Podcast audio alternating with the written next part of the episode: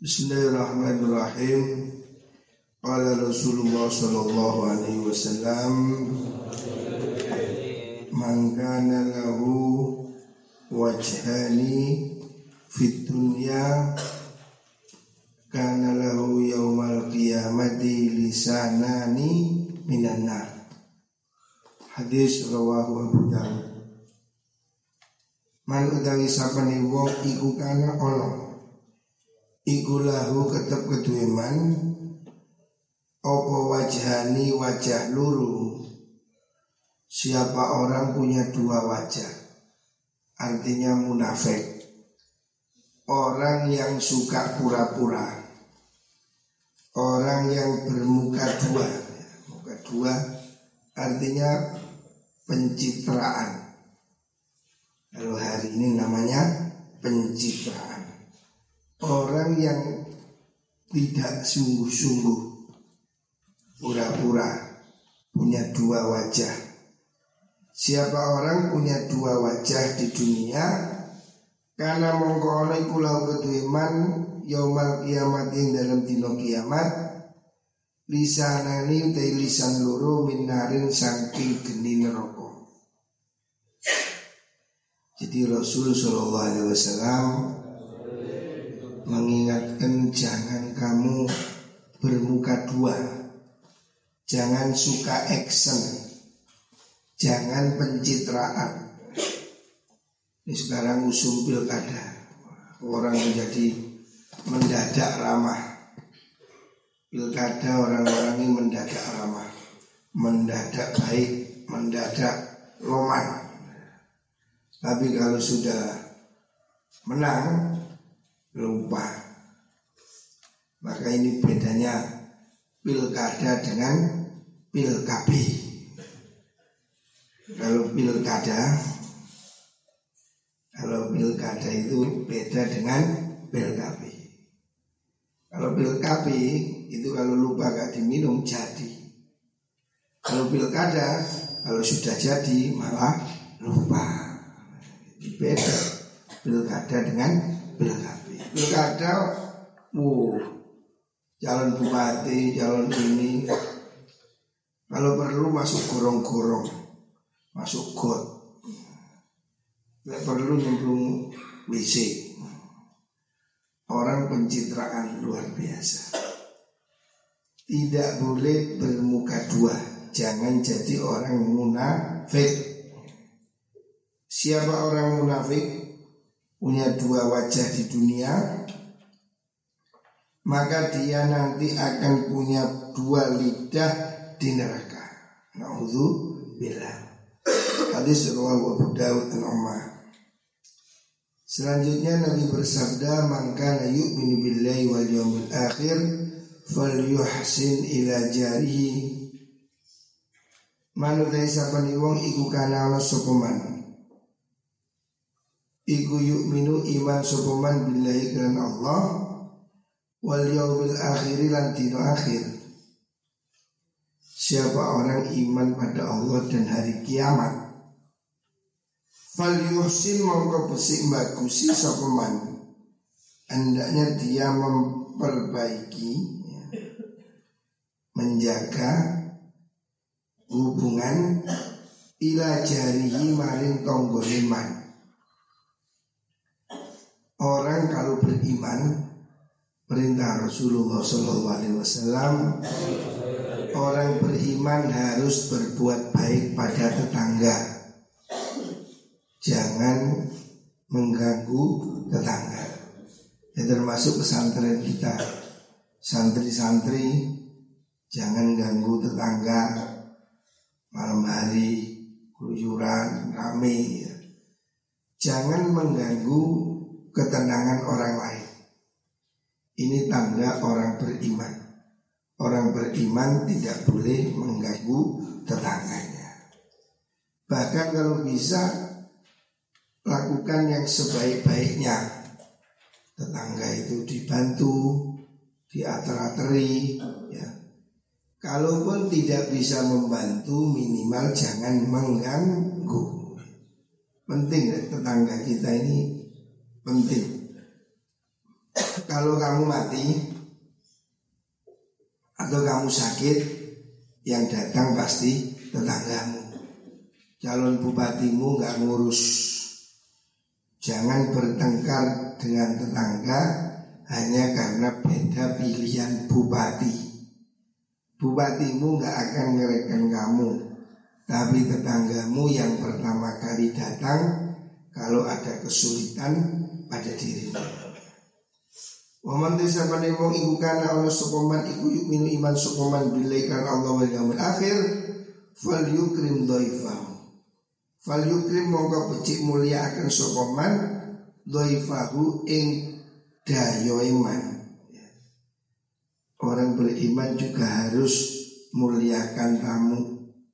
Siapa pun tamu walaupun orang miskin, walaupun orang yang kurang istilahnya kurang dihargai. Siapa pun tamu, hormati tamu siapa pun, kaya miskin. Waman desa peniwong iku kana ana sopoman iku yuk minu iman sopoman. Bila kan Allah wal yaumil akhir fal yakul mongko beci ngucap sopoman khairan ing mengucapkan bagus. Lek ngomong sing api ya. Auliyasmun aulias mutu utawa becik menang sopo man. Kalau kamu tidak bisa ngomong yang baik, lebih baik diam. Jangan kita ini jadi sponsor kerusakan, kejahatan. Ini tiga hal yang diingatkan oleh Rasulullah SAW dalam hadis sahih riwayat Imam Bukhari Muslim Hendaknya orang beriman itu menjaga tiga hal. Pertama berbuat baiklah kepada tetangga. Siapa pun tetanggamu Muslim non muslim ya. Yang kedua hendaknya dia menghormati tamu. Tamu siapa pun kaya miskin hormati. Jangan pilih-pilih. Yang ketiga Siapa beriman pada Allah dan hari akhir hendaknya dia bicara yang bagus atau lebih baik diam. Kalau ngomong tidak bagus, maki-maki, ngerasani ya. Lebih baik diam. Untuk apa ngerasani? Jangan suka menggosip, apalagi kamu ini laki-laki. Jangan suka gosip. Lebih baik kamu kerja, olahraga, ngomong yang baik atau diam. Ini tiga hal penting. Ada tiga hal yang harus dilakukan oleh orang yang Merasa dirinya beriman pada Allah Dan beriman pada hari akhir Atau hari kiamat. Ini harus diperhatikan. Tetangga Tamu Dan ucapan. Ucapan ini seperti pakaian. Ucapan ini seperti pakaian Artinya sebelum dipakai itu harus dicoba dulu ya. Karena nggak kelambi dijajal sih ya. Maksud orang kelambi kok dijajal, lu kecil ini kan di sini. Kelambi kan dicoba sih. Pantas nggak sebelum kamu keluar rumah baju dijajal dulu. Begitu juga omongan. Omonganmu itu hendaknya dijajal dulu. Ya. Jadi ucapan itu seperti baju hendaknya dicoba sebelum dipakai keluar. Baju harus dicoba. Pantes nggak sih bajumu itu? Kekicilan lah, kotor lah. Sebelum dipakai baju mesti dicoba. Begitu juga omong. Omong ini sebelum ngomong dipikir, sebelum keluar omong dipikir. Ini mencerminkan moral, mencerminkan ketinggian budi akhlak dan etika. Orang itu kalau baik-baik mesti ya pakaiannya baik-baik. Santri ya pakai kopiah, pakai baju koko. Orang yang baik pasti dia memakai pakaian yang baik. Seperti itulah orang baik mesti ngomong yang baik. Sebab omong ini seperti pakaian. Sebelum dikeluarkan supaya dicoba dulu. Pantas enggak? Etis enggak ya. Ojo ngomong syukur dijeplak Apa syukur dijeplak Sama ngape ngomong ngawur, apalagi membuli, misuh-misuh ya. Kamu harus mikir, ngentut aja kamu mikir, ya ngentut kon wani ya tuwek. Eh, dikaplok kowe konco. Ngentut aja harus dilihat dulu ada siapa ya. Gak ada orang baru. Ngentut aja kamu mikir, pemane ngomong.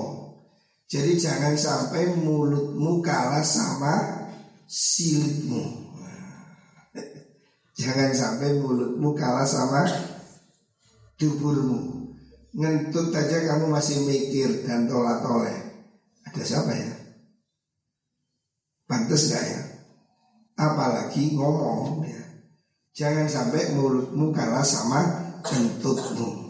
Makanya kalau bahasanya kanjeng Nabi, falyakul khairan au liyasmut. Kalau tidak bisa ngomong baik, kalau kamu tidak bisa ngomong yang sopan, lebih baik kamu diam. Menengoy, ojo kalian ngomong. Hadis berwal syekhan. Kisah pengantin. Ri, kukan ri, kok. Ada turu ngaji kukan. Selanjutnya kalau Rasulullah SAW man karuma asluhu wa taba mauliduhu hasana mahdhuruhu man utai sapane wong iku karuma mulya siapa orang mulia? Sapa asluhu wong tuane man siapa leluhurnya itu orang baik? Wa balan bagus apa mauliduhu kelahiran iman siapa orang leluhurnya baik dan kelahirannya baik? Artinya bukan anak nih bukan anak haram bukan anak zina anak yang terhormat. Yohasuna mongko bagus. Apa makhdoruhu gondrunggue man maksudnya penampilan orang itu kalau nasabnya baik dan anak orang baik-baik pasti penampilannya juga baik jadi orang ini kan dilahirkan oleh lingkungannya. Orang itu kalau lahir dari orang tua berpendidikan, insya Allah anaknya itu juga ya berpendidikan, artinya punya etika. Tapi kalau orang ini sudah berangasan, penjilaan itu jelas. Ya. Mungkin dia lahir tumbuh di tempat yang jelek. Kalau dia lahir di tempat yang baik, anak orang baik apalagi mondok harusnya dia ucapan dan tindakannya itu menjadi baik kalau tidak berarti ada yang keliru Rawahu Ibnu Najjar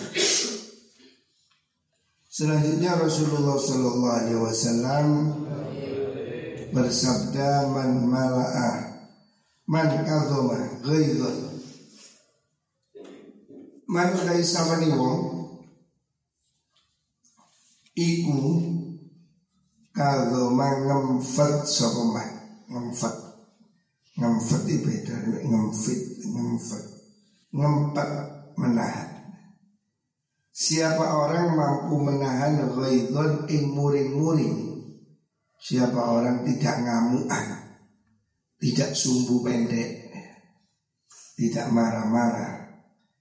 Wa huwa halitaiman iku yakdiru kuwasa suman ala infadi ingatasi nerusakan mengkuno gaidon siapa orang menahan emosi pada dia mampu padahal dia marah itu mampu tapi dia tidak mau marah. Orang ini sebetulnya kalau membalas bisa tapi tidak mau membalas. Siapa orang bisa menahan emosi?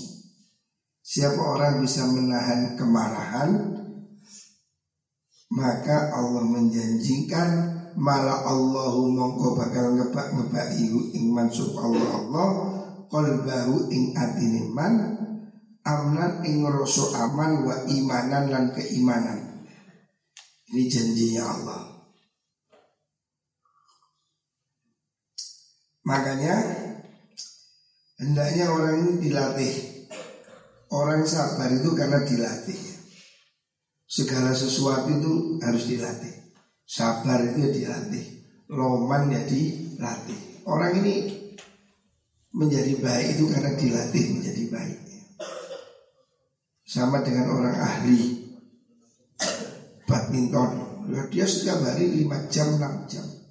Makanya jadi juara badminton. Pemain sepak bola juga begitu.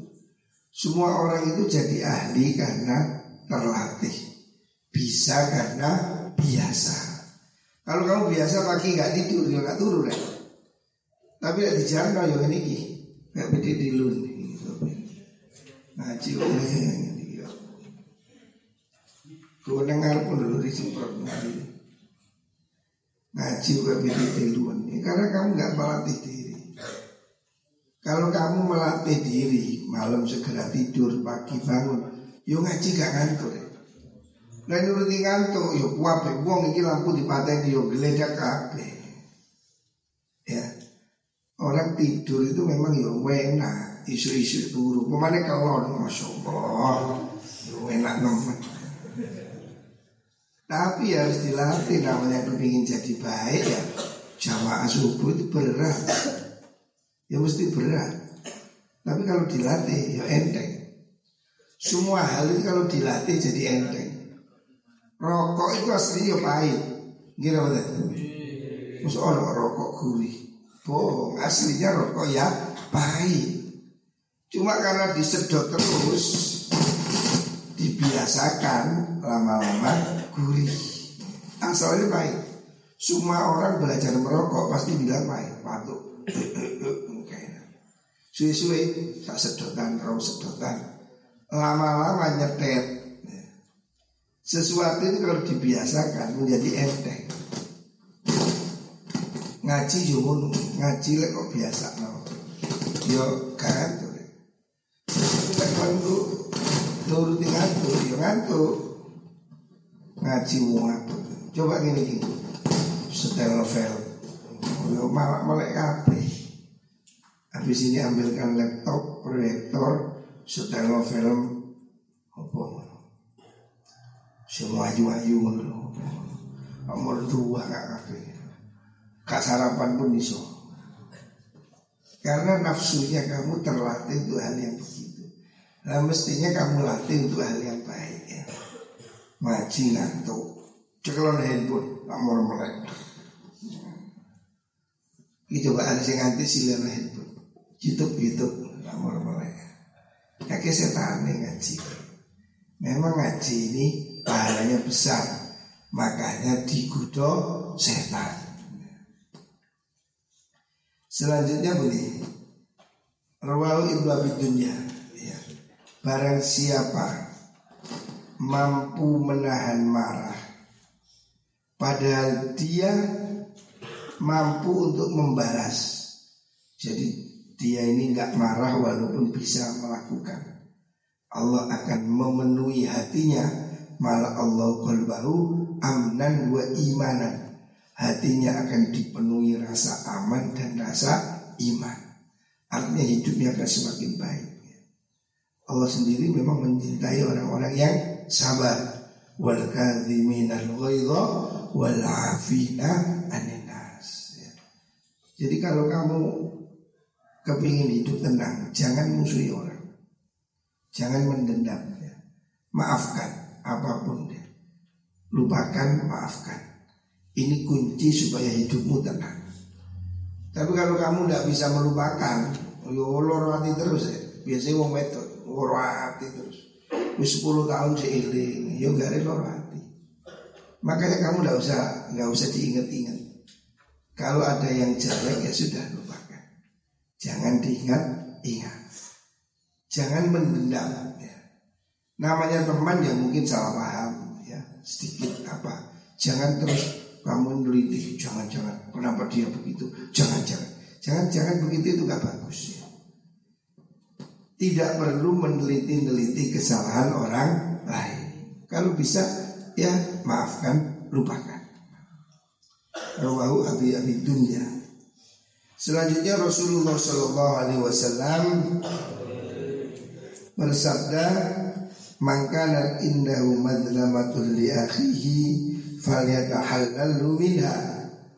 Man utai sapane wong iku kanat ono indahu indalum ngersani man opo madlamatun pengani ngoyo. Barang siapa punya kesalahan. Ya namanya orang kumpul kan ada kesalahan. Siapa orang pernah berbuat jahat salah Li akhihi maring sedulur iman Falyata halalhu Mongko beci amre halal sopo manhu ing akhihi Minha sangking mengkunu madlamah Kalau kamu merasa pernah nyakiti orang lain Hendaknya kamu minta maaf ya Minta maaf ini tidak usah nunggu hari raya. Kalau kamu salah sekarang ya sudah minta maaf. Aku minta maaf ya. Saya tadi salah. Saya lupa. Minta maaf. Biasakan minta maaf dan tidak usah menunggu hari raya. Minta halal, halalkan. Fa inna usli kelakuan iku laisa ora sama ing dalam kuno-kuno panggonan ing dalam kiamat. Sebelum nanti di hari kiamat kamu tidak ada uang. Orang nopo dinar dinar wa dirhamun lan dimar tidak dirham min qabli ayu khala min qabli ayu khala saat yen totin pundut li manfaat maring sedulur iman apa min hasanatihi maring piro-piro kebagusan iman Ingat nanti di akhirat itu tidak ada uang Kalau kamu punya kesalahan kamu harus bayar dengan amal kebaikan.